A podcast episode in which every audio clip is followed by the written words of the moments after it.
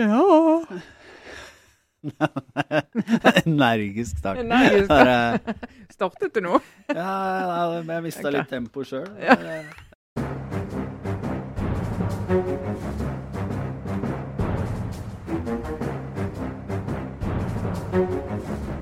Nei, men Vi setter i gang rett og slett med en ny utgave av Aftenpodden, vår ukentlige politikk- og altmulig rart-podkast.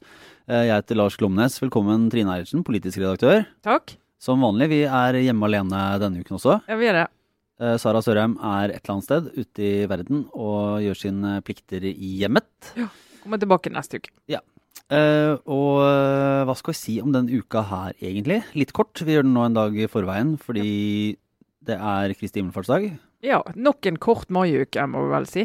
Men uh, nyhetsbildet har jo trengt seg på likevel. Virkelig. Um, vi har vel egentlig bare tatt nå en slags liten pause fra, fra litt sånn den halvstressa hverdagen i eh, nyhetsredaksjonen, når det igjen har skjedd en stor terrorhandling i Europa. Mm. Uh, denne gang uh, bomben utafor Manchester Arena uh, mandag kveld, da et, i etterkant av denne Ariana Grande-konserten. 22 drept totalt sett, 119 skadet. Eh, forferdelige tall og forferdelige scener. Eh, så vi må jo snakke litt om, om terroren, rett og slett. Ja. og så blir det litt landsmøteoppsummering. Ja. For det har vi, nå har vi gjennomgått hele vårens uh, vakreste eventyr og har fordelt, fordelt eh, alle landsmøtene mellom oss. Vi har faktisk det. Til sammen har vi vært på alle, og vi har eh, to-tre poenger derfra som er verdt å ta med videre. litt av eh, smått og stort, og best og verst. eh, for, på en måte, for vår egen del uh, runde litt av og, og gjøre opp eh, regnskap etter det kapitlet. Ja. Eh, men eh, hva er det egentlig å, å si etter et eh, nytt eh, terrorangrep som, eh, som traff? Um, kan si sånn, um, det begynner å bli en, en, dessverre en vane å måtte rigge seg til og skulle dekke dette journalistisk. Ja, altså sånn journalistisk er jo dette blitt dessverre en rutine. Uh, på den måten at vi vet uh, hva spor vi begynner å jobbe etter, og når vi sender team og ikke sender team. Og, og så vi har liksom fått en drill på det, som bare for et par år siden. Da, da var det fremdeles nytt for oss. Uh, men denne her vanen med det eh, Så Sylo Taraku han eh, tilknyttet Agenda s- skriver om eh, mye forskjellig der. Han eh, nevnte på Facebook i går at han reagerte på at det var så få som ytret sin sympati med Manchester. eh, som dukket opp i hans feed, i hvert fall. Eh, og det merket jeg sjøl òg, at det var jo ikke den samme umiddelbare 'å, nå må jeg ytre hva jeg føler om dette', og dele det med de jeg kjenner på Facebook. Eh, så sterk som det var i starten på dette. Jeg husker når Charlie Hebdo skjedde. Det var jo alle der ute og eh, byttet eh, profilbilde. og Det var veldig intenst. Nå er det jo ikke sånn lenger. og det er jo det er jo et eh, eksempel på at vi begynner å bli vant til det, selv om jeg vet at mange hater at eh, det sies, men sånn er det jo. Er det Ja, for er, men er det en er, litt sånn, jeg er litt delt på om det er en pos, hva skal jeg si, om det er en uh, udelt negativ ting, eller om det er en slags noe positivt. Eh, vi Det er jo stadig denne at man må leve videre, livet skal fortsette. Man skal møte terroren med, mer, ja, mer frihet og mer åpenhet. Alle disse svarene, både Jesuit Charlie og mer åpenhet og mer demokrati, har jo etter hvert blitt litt sånn klisjeer, fordi det er så, det er så lett å si det etter hvert nye eh, terrorangrep. Og så har de jo veldig lite å gjøre, annet enn å ja, fortsette som vanlig. Og det, det kan jo virke litt kaldt eller litt sånn blasert etter hvert også. Mm. Jeg tror den diskusjonen eh, foregår og skal foregå på forskjellige nivåer. Eh, Vi diskuterte jo litt dette 17. mai her i Oslo, da vi vet at en eh, god del mennesker var redde for å trekke ned til sentrum og gå i 17. mai-tog pga. terrorfrykt. Eh, og hvor vi, jeg tror det går an å være enige om at det er veldig bra for et samfunn å ikke bli lammet av sånne hendelser og gå videre og ja, litt sånn vise både oss sjøl og terroristene at vi, vi lever videre med de livene våre som de har lyst til å ødelegge.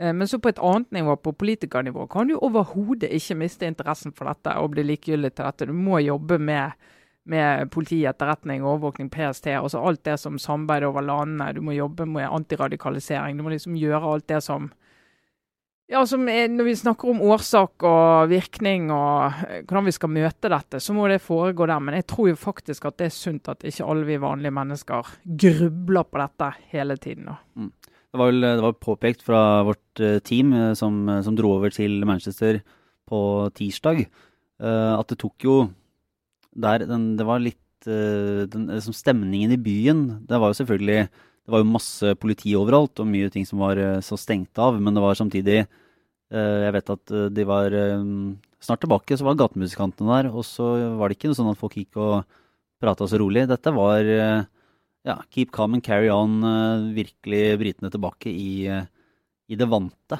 egentlig, på, ja. i løpet av et, et drøyt døgn. Mm.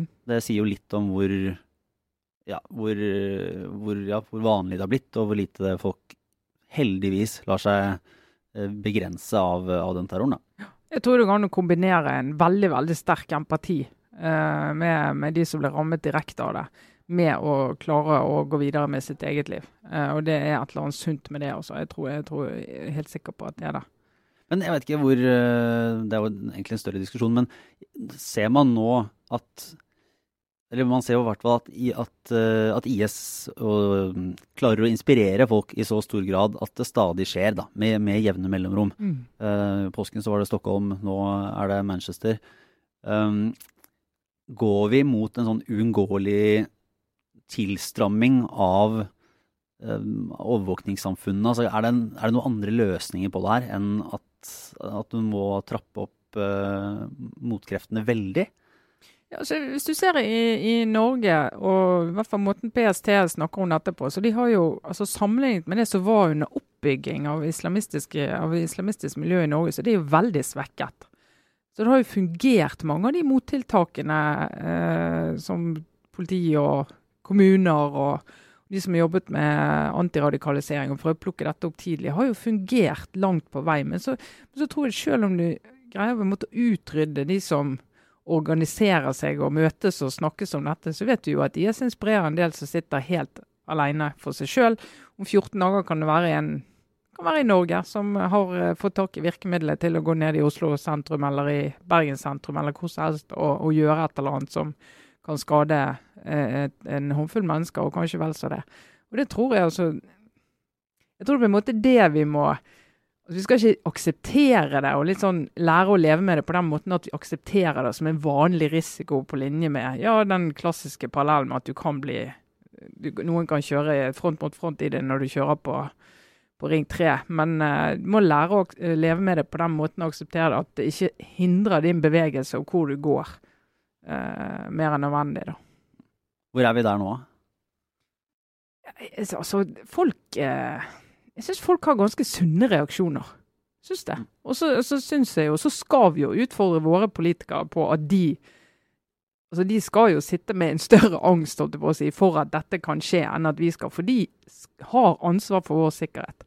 Uh, og det er jo som vi har vært innom før, hele voldsmonopolet, hele statens oppgave. Grunnen til at vi overlater staten så mye ansvar og penger og alt vi holder på med, det er at de skal passe på oss. Så det ansvaret skal jo tynge et sted, men det skal ikke tynge hos hver enkelt. da. Nei, men uh, vi uh, går Vi er, har en litt kjappere tempo i dag. Det er så travelt. Vi sier jo ofte det, og så sklir det ut, Lars. Ja, ja, men vi, jeg, jeg, vi flagger det nå at vi prøver. jeg står på det enn så lenge, jeg. Ja. uh, idealet om, en, uh, om, om, kjapt og effektivt, men så blir det ofte så uh, gøy egentlig at den bare fortsetter. Mm. Men fordi vi har jo da vært ute på landsmøteturné, ja. mer eller mindre, i nå, noen måneder. Ja. og fått opplevd det på mange måter fineste i norsk politikk, som skal mm. være litt idealistisk. Når det kommer folk fra hvert minste lille lokallag inn til en en, et sånn klamt eh, konferanse eh, et eller annet rom og rekker handa i været og diskuterer politikk. Det er veldig og, rørende ofte. Det er faktisk det. Folk, du kan høre du går ut i gangene på disse konferansene, så ser du delegater fra små kommuner rundt i Norge som noen av de er der for første gang. I forskjellige aldre. Eh, aldri kanskje snakket ordentlig for en så stor eh, forsamling før. Står og øver på innlegget sitt og går opp og holder sitt forberedte innlegg med litt sånn skjelvende stemme, men det er veldig viktig for de å få sagt. Jeg syns det er rørende, Lars. Det er vakkert. Ja, ja, det er faktisk, jeg er faktisk helt enig i. Og, og, det gjelder jo både de det gjelder ofte både de yngste og de uh, eldste. Ja. Altså det er, uh, det er, fint å se folk som tar liksom, mot til seg og går opp og snakker sin mening. Uh, og blir klubba ned når de snakker for lenge. Ja, ja. Og kjemper mot det derre bordet med, med de styrene og, og snakker litt til og durer på. Men hva er det vi kommer til å, kommer vi til å huske? Altså, dette, jo, dette kommer jo til å bli landsmøtesesongen og valgkampen der eh, distrikt, by, land-konflikten preget nesten alle landsmøtene på en eller annen måte. Gjorde det det. Eh, Senterpartiets vekst preget oppkjøringen til landsmøtet. De har holdt seg høyt, eh, sånn at de har på en måte greid å både være dagsorden og sette dagsorden i veldig stor grad. Har preget de andre landsmøtene både direkte og indirekte. Så det, det står jo igjen. Og så er det jo denne her eh, som av og til lurer på om vi journalister er mer opptatt av enn mange andre, men vi vil jo argumentere sterkt for at det er viktig dette her regjeringskonstellasjon, regjeringssamarbeid, diskusjon, som jo er vidåpen eh, der vi står nå. KrF har jo gjennom våren flyttet seg til et sted der det ikke er fremmed for de å på en eller annen måte samarbeide med Arbeiderpartiet, og Venstre har flyttet seg et sted der det virker veldig lite sannsynlig at de får sitte rundt et forhandlingsbord i det hele tatt.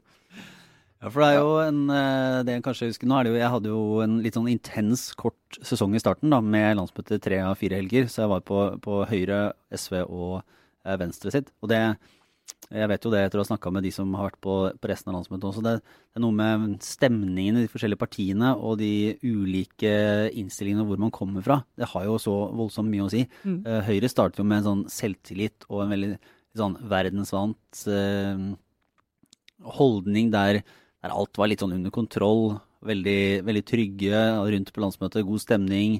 Ikke noe, det var noen diskusjoner, men alt var litt sånn ja, vi er store, vi er rause, vi er trygge. Dette har vi, dette har vi på stell. Og så Og da til, til SV, som var mer sånn Klamret seg til Uh, en par gode meningsmålinger og var sånn Vi, dette går bra, dette går bra, dette går bra. Litt sånn lol med litt skjengrende røst? ja, det var sånn der, de kryssa fingrene og kunne, torde ikke helt å tro på det. Men det var sånn, vi har en oppadgående kurve, vi har en oppadgående kurve. Uh, og til Venstre, som nærmest imploderte i forkant av, uh, av landsmøtet sitt og så gravde seg ut av, uh, av sanda der og hadde det veldig hyggelig inne i landsmøtesalen. Og så hadde kommet slags ut, gruppeterapi? Gruppeterapi, der ja. alle ble veldig glad i hverandre og følte at de hadde kommet seg godt videre. Og så tror jeg de kom ut i den virkelige verden, og så så de at det så akkurat likt ut. Og det har jo ikke vært en god måling siden, uh, tror jeg i hvert fall ikke, hvert fall ikke mange. Nei, det har, det har, jo ikke det. Venstre er jo de er nesten forsvunnet fra radaren for alle, tror jeg. og det er Eh, jeg dro jo helgen etter Venstre, vel, sånn cirka, så dro jeg til Senterpartiet. Kontrasten kunne jo ikke vært sterkere. Der var det jo topp stemning. Det var der jeg, jeg sammen med mange andre brøt ut i Reinlandet rett etter eh, festmiddagen var slutt. Det var helt umulig å unngå. så der var det tipp topp stemning og Hvordan, en, ja. enorm selvtillit. Ja. Hvordan var det på, på Miljøpartiet De Grønnes landsmøte? Det var en svipptur innom jeg var innom, Jeg kunne ikke være der hele helgen, men det var veldig utrolig hyggelig. Som i alle norske partier, må jeg si. Det var vrimla hyggelige folk. Eh, og fikk med meg eh, et par debatter, bl.a. en om hvalfangst. Og det må jeg si, det var utrolig interessant å høre på. For jeg tror mange tror at i MDG så finner du bare folk som er sånn ja, alle dyrevernerne er der, og selvsagt mot hvalfangst. Og de er også der. Men det er også en gjeng som argumenterer veldig sterkt for at det er en uh, god ting å holde på med. Og det var en uh, ja, kunnskapsrik og kul debatt. Jeg likte å, å høre på den. Og så tok de jo stilling til altså en del av de konfliktsakene. Hvor tidlig mener de at vi skal avslutte oljeboring? Eh, oljeboring, eh, oljeleting i Norge, eller legge ned i oljeindustrien, egentlig. Og da ville jo egentlig partiledelsen at de skulle gi seg sjøl litt mer tid, mens de eh, grønne ungdommene fikk gjennomslag for å stramme inn og si at i 2032, da, da er det slutt. Så de, de hadde en del diskusjoner. Men det er jo morsomt å høre da, på, på også MDG, som så vidt skravler rundt sperregrensen og, og, og snakker om når, når de skal styre landet hvor annerledes det skal bli. Mm. Og det er klart Alle disse partiene det er jo det de skal psyke hverandre opp til. Gå inn i en valgkamp med tanke på at de skal være med og styre landet. Uh, I ulik grad, selvsagt. Jeg fulgte ikke sånn kjempegodt med på, på MDG-landsmøtet. Det som egentlig har satt seg mest i ettertid, var en, en video som har begynt å surre litt rundt på, på sosiale medier. Som er den, musik, den nye musikkvideoen til Miljøpartiet De Grønne. Akkurat den har jeg ikke fått med meg. Nei, Det kan jo være da en liten anbefaling, uh, eller et eller annet. Uh, der blant annet da vår forrige ukes gjest, Lagenøst, var med og, og bidro på et Ja. eller annet vis. Så, Han har rykte på seg for å være med på sånt. Ja. Eh, det, det, er, det er egentlig ord blir litt fattige, så jeg skal ikke, skal ikke grave meg ned lenger i, eh, i akkurat den. Men det er nok et, eh, nok et av norsk politikks interessante kulturelle bidrag. Ja. Det dukker jo opp. Og da fikk jeg umiddelbart flashbacks til eh, SU-koret på eh, Ja. SV-landsmøtet. Nettopp. Ja, Eh. det, er- det er nært og folkelig, med andre ord. Ja. Ja. Nei, altså, eh, så må jeg si en ting som ikke er veldig viktig, men som er en observasjon. Altså, På Senterpartiets landsmøte, den møtematen der var jo et eventyr. Det var jo sjokoladecroissanter og sånn kortreist yoghurt og bær, og alt hadde sikkert spasert inn fra en eller annen gård rett utenfor byen.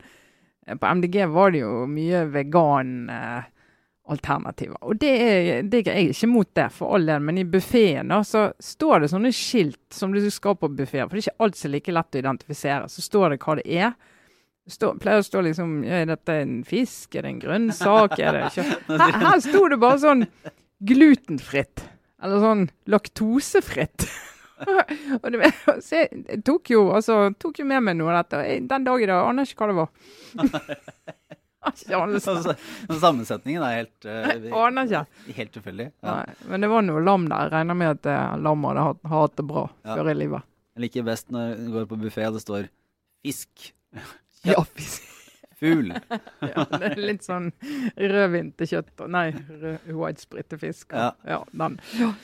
Nei, i det hele tatt. Det er eh, Var det noe annet uh, som har uh, skjedd denne uka, eh, eller fra landsmøtesesongen, som var sånn eh, kjempestort? Kommer du alltid huske den der brunosten til, eh, Frp, til ja. Frp? ja det, det gjorde veldig inntrykk på meg. Må jeg bare si. Stavkirken og brunosten på veggen, det, den satt. Mm. Eh, og det var jo et landsmøte jeg var på som var eh, Ja, det er jo, altså en ting er jo de diskusjonene de tar, alle landsmøtene. sant? Og I år har det jo vært litt sånn Ja, vi gjør mye for distriktene og bygger veier og, og holder på, sier re- regjeringspartiene. De som er i posisjon. Og så sier de nei, Norge går i oppløsning, sier opposisjonen. Konfliktene øker, ulikhetene øker mellom faktisk alle. Mellom menn og kvinner, mellom folk som bor i by og folk som bor i landet. Mellom de innenfor arbeidslivet og utenfor arbeidslivet, mellom rike og fattige. og det, det var sånn drama her som vi nok skal følges av inn i valgkampen. og Da blir det jo denne diskusjonen om hvordan du måler ulikhet. kommer jo til å bli en sånn kjernediskusjon. Så for de som er syns det er litt sånn kjedelig med sånn nerdete diskusjoner om Gini-koeffisient og hva som påvirker den, så tror jeg de skal stålsette seg litt for, eh, for valgkampen. Men du skal bruke litt tid på å sette det inn. og Jeg syns Bård eh, Bjerkholt i Dagens Næringsliv skrev en god eh, kommentar på lørdag om akkurat det ulikhetsbegrepet som særlig Arbeiderpartiet og Høyre diskuterer en del om. Men det er jo Gini-koeffisienten. Hva påvirker den? En sånn variabel som måler ulikhet i et land. Eh, og der han går gjennom alle de forholdene som påvirker den variabelen som gjør at Norge altså Du kan ikke bare sammenligne Norge med et USA, for det samfunnet vårt virker på så veldig mange forskjellige måter. eh, Men, er, men er, det et, eh, er det et godt uh, angrep, da, litt sånn taktisk, fra, fra venstresiden og fra Arbeiderpartiet å, å gå på regjeringen på ulikhet? Fordi det jeg vet ikke, Argumentet derfra er vel at, at um, av strategisk hensyn så er det sånn Ok, nordmenn blir rikere. eh, nordmenn har ja, på mange måter er eh, mer innstilt til en del friheter, til, ja, til å styre livet sitt selv, til å styre arbeidstida si selv, til, til en del sånne som ting som ses på som litt sånn høyresideverdier. Men samtidig så er man jo opptatt av at forskjellene ikke skal være store. Altså vi skal være et samlet land, vi skal være et lite land. Um, vi må Det skal ikke bli for gærent. Mm. Uh, og sånn sett så kan man jo tenke seg at det er en uh, At det er et angrep som som har litt gjenklang da, hos, Mm. hos en del nordmenn, og kanskje ses på som møtes med forståelse, der hvor den klassiske høyre-venstre-kampen kan synes litt uh, utdatert. Ja. Så er det en, en menneskeliggjøring av en del økonomiske forskjeller og andre ting, da.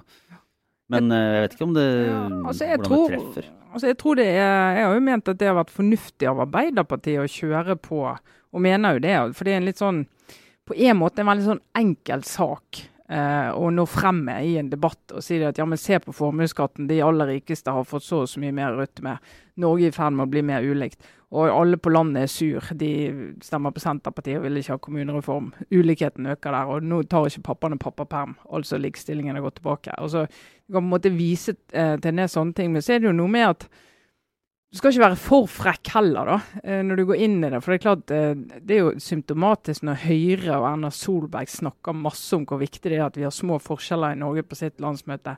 Civita kommer på en rapport om ulikhet og hva som, hva som påvirker det. Og, og Da tror jeg nok høyresiden burde mer anerkjenne at altså deres interesse for ulikhet har ikke kommet helt, helt sånn altså, naturlig fra, fra, det indre. da. De har vært opptatt av andre ting. altså de har ikke det, det, er nok ikke sånn som Trond Giske har sagt at Høyre de ønsker større ulikheter. Men det har liksom vært en følgekost som ja, det lever vi greit med.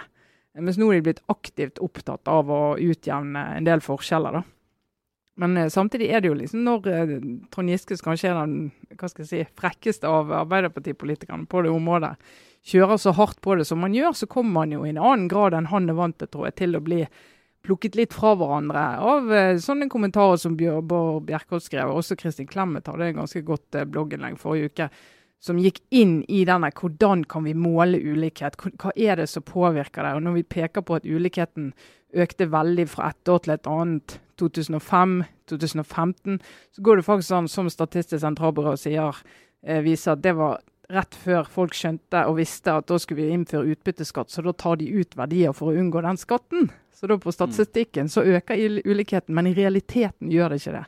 Så vær litt forsiktig med å være litt for frekk på, på hva du viser til da, når du skal vise til økt ulikhet. Ikke sant? Men uh, i dette ekstremt effektive lille uken vår, Trine. Ja, veldig. Bortsett fra, bortsett fra, at du har fyrt deg opp mot uh, vannskutere. Ja, det har hisset meg opp. Har du noe annet, eller er det det du skal reflektere over? Nei, det, det har, jeg føler jeg har tømt meg på. ja. For, det, for de som er mer interessert i det, da, så skal vi dele et, eh, et, eh, en kommentar fra Trine om vannskuterliberaliseringen på Facebook-siden vår. Det skal vi. Og så kan jeg si at jeg er blitt invitert på vannskutertur i Tønsberg som følge av det, faktisk. Av en leser. Den ene leseren som har reagert negativt på den kommentaren, for han har vannskuter. Alle de andre Så jeg føler jeg har litt sånn folk i ryggen. Kanskje nikkersadel, men greit. Du må ta de støttespillerne man får. Ja, de vil få. Ja. Men altså, jeg er fornøyd. Nei, altså det som engasjerer meg I dag så er det eh, styremøte i Helse Sør-Øst. Ekstraordinært styremøte. Eh, Norges største helseregion. Ansvar for 2,8 millioner eh, pasienter. Eh, de har styremøte i dag hatt eh, når vi snakker. og Der har de fått eh, fremlagt en rapport fra PwC, dette er revisjonsfirmaet, som har undersøkt eh, hvor alvorlig det var, denne NRK-saken om at utenlandske IT-medarbeidere har hatt omfattende tilganger til systemer i Helse Sør-Øst. NRK snakket med over 100 stykker, som etterlatte inntrykk er at 2,8 millioner pasientrapportjournaler uh, har ligget åpent tilgjengelig for over 100 utenlandske IT-medarbeidere fra mange rare land. Nysgjerrige IT-medarbeidere fra mange land. Ja, så de har undersøkt det. Uh, og Det som er interessant med den saken, er at rapporten Uh, og det her er egentlig utrolig teknisk, da, så det er litt sånn vanskelig. Men vi prøver. Vi prøver. Uh, nå trekker jeg pusten, ja. kjenner jeg. For det som jeg tror alle er opptatt av, det er å få avkreftet eller bekreftet har de hatt tilgang til de journalene eller ikke. Det er ikke bekreftet at de har. Og en av grunnene til det, det er jo at eh, mange av disse IT-medarbeiderne de har hatt tilganger til en god del systemer. For det må du ha hvis du skal eh, modernisere, oppgradere, drive vedlikehold. Så må du ha tilgang til systemene. Eh, systemene i Helse Sør-Øst alle de andre eh, store helseforetakene de er veldig gammeldagse, veldig tunge, så du må faktisk ha ganske store tilganger for overhodet å jobbe i de systemene. Eh, men så er spørsmålet har de hatt mulighet til å gå inn i pasientjournaler og på en måte nesten søke i de og bla i de. Kunne lese de kunne gå inn og se Trine Eilertsen. Ja, hun har født to barn på Ullevål sykehus. Få se hvordan gikk det. Det har de ikke kunnet gjøre. De har kunnet noen få av de, ikke 100, men de snakker om 34 eh, som har kunnet gå inn og finne noen rådata som du i en gitt situasjon kunne sette sammen. Du kan ikke søke på navn, du kan ikke bla i journaler. altså liksom Det dramatiske inntrykket som NRK ga, det var veldig overdrevet. Eh, men så er det jo hele diskusjonen bør du outsource den type tjenester, drift og vedlikehold og utvikling av IT-tjenester. Bør et helseforetak kunne gjøre det overhodet? For denne risikoen finnes jo. Det som har gjort denne saken interessant, er at vi snakker om utlendinger som har den tilgang til de systemene. Altså dodgy greier, og de kan drive med utpressing. Så vet vi at en haug med nordmenn har jo den type tilganger. Eh, både innenfor og utenfor systemet. Også innenfor vet jo at det er blitt misbrukt. At det har vært snoking i journaler. Vi vet det fra Nav-systemet, vi vet det fra sykesystemet. Så akkurat hele denne sårbarheten med disse tilgangene er en problemstilling. Og det er jo bra med den saken at det blir løftet opp og diskutert, selv om den er overdramatisert. Så, men, det, men, det, som er interessant, er denne dynamikken med altså NRK, Norges største nyhetsredaksjon, kjører ut og skaper et inntrykk av at 2,8 millioner pasienter egentlig må regne med at hvis en IT-medarbeider er interessert i det i Bulgaria og blar i din journal, så kan han gjøre det. Og det, det har de ikke ennå sagt at ikke går an på den måten. Og det syns jeg faktisk er viktig at de gjør. Og min eh, litt sånn refleksjon i dette er litt sånn som vi har snakket om før. Hvorfor hopper ikke alle medier på de andre mediene sine gravesaker? Jo, for de er veldig kompliserte i å gå inn i. Svakheten med det er at du ikke får en diskusjon underveis av de sakene som gjør at du kan utfordre litt det inntrykket som blir, eh, som blir etterlatt i befolkningen. Og akkurat dette er jo faktisk veldig alvorlig. Helse Sør-Øst har jobbet helt skandaløst dårlig med å berolige befolkningen og pasientene med å si at journalen er jo ikke tilgjengelig for verken bulgarske eller mange norske eller andre IT-medarbeidere uten videre. Men så mm. finnes det jo mange som har tilgang på dem. De som sitter, de sitter, med systemene ja, og programmene. Mange av de sitter i hele verden. De sitter med programmer. Og for å kunne gå inn og vedlikeholde et program eller fikse noe, du har en bug i et program, sitte på andre siden av jorden, det er der selskapet er, kanskje i USA, så går de rett inn og kan få tilgang til sensitive pasientdata. Det der er en problemstilling. da. Hvordan du skal håndtere det. Helse Sør-Øst og de andre helseforetakene kan ikke bemanne opp sine organisasjoner på en måte som gjør at de kan ha alt dette sånn in-house, som det heter på nynorsk. Mm. Det er ikke mulig å se for seg. Vi har ikke all den kompetansen i Norge, og har ikke, de har ikke råd. Da må de bare slutte å ansette leger og bare ansette IT-folk. det er litt sånn vil, Er det det vi vil? Altså, Det er ikke realistisk. Det er godt å høre Trine, at du fortsatt er konsulentenes gode venn. Jeg er konsulentenes gode venn. Jeg mener at konsulenter, det trenger vi. Sånn, der, der nikkersadelen står og forsvarer deg ja. i, uh, ja. vannskutersaken, står du bak konsulentene. Jeg er jo de svake gruppene. Ja. en utsatt, utsatt og utskjelt uh, gjeng. Utkjelt, ja, konsulenter er skikkelig dodgy tittel å ha. Men jeg, jeg, nå skal jeg forsvare konsulentene. Jeg skal gjøre det. De er i hvert fall ikke dårligere mennesker enn de fast ansatte. Det er noe helt sikkert.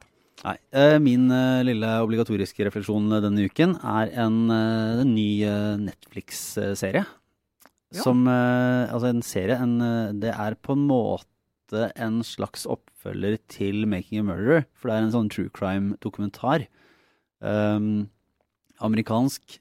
Og jeg slukte den i løpet av sånn, to dager denne uken. Fordi den var Den er ikke fullt så god som 'Making a Murderer', vil jeg si. Som virkelig ja, var et nytt nivå, selv om det er en del interessante og problematiske sider ved den nå.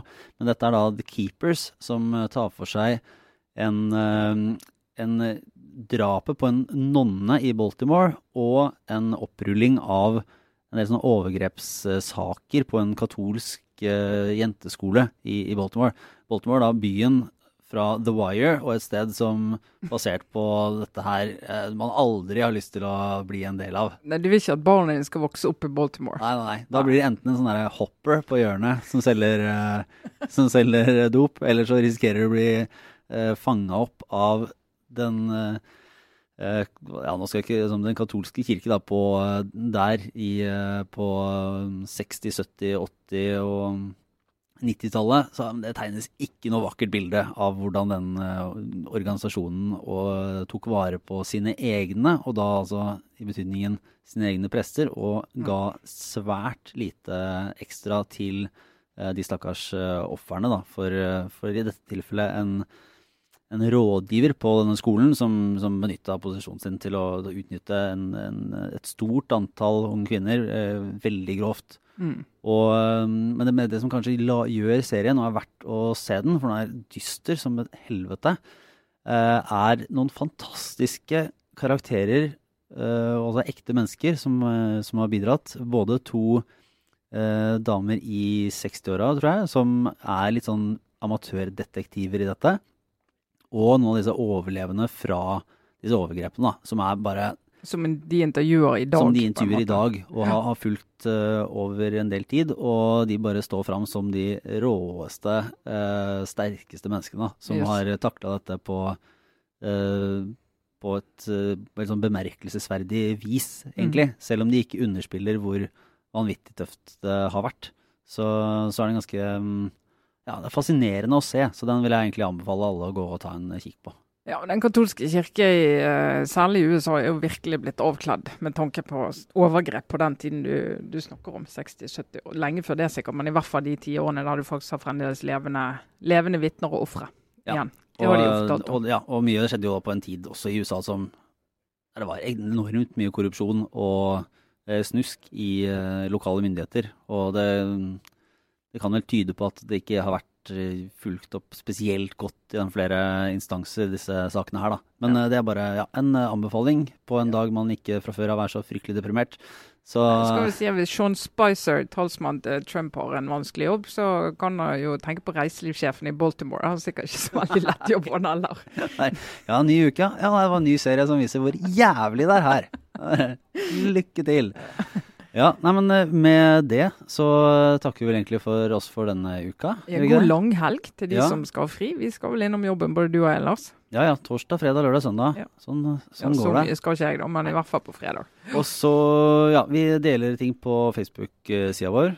Og så har vi vår uh, interne uh, chat, der vi deler saker og diskuterer litt ting uh, innimellom. Ja. På ap.no slash aftenpodden. Eh, og så oppfordrer vi alle til å abonnere på Aftenposten. Mm. Du kan, få et, du kan fortsatt få et spesialtilbud, kan ikke det? Det regner jeg med. Ja. Og hvis ikke de får det, må de be om det. Ja, det, det er i hvert fall aftenposten.no slash podden. Eh, Der ligger det gull og grønne skoger og mye interessant stoff. Det er så billig per dag. Jeg har nesten ikke spå... Jeg har alltid ment at aviser er altfor billig. Alltid vært. Ja, I hvert fall nå når det viser seg at folk her så sitter og betaler for Netflixer og HBO. ja, og alt ja. mulig ja. rart. Må bare Her er bare Nesten gratis, og i dag kom feriepengene for noen av oss. Ja, så Så det er bare å hive seg over det. Nei, det gjorde de faktisk. Hurra. Ja. Men eh, og med det så takker vi for oss, da, rett og slett. Eh, og sier ha det bra, så er vi tilbake neste uke, tror jeg. Ja, det? det er helt sikkert noen røde dager ja. da òg, men eh, Jeg har friuke, men eh, det er mulig jeg klarer å avbryte den eh, lite grann. Rett og slett. Ja. Så eh, god eh, langhelg, folkens, og takk for oss. Det var Trine Eilertsen og meg, Lars Glomnes. Ha det bra.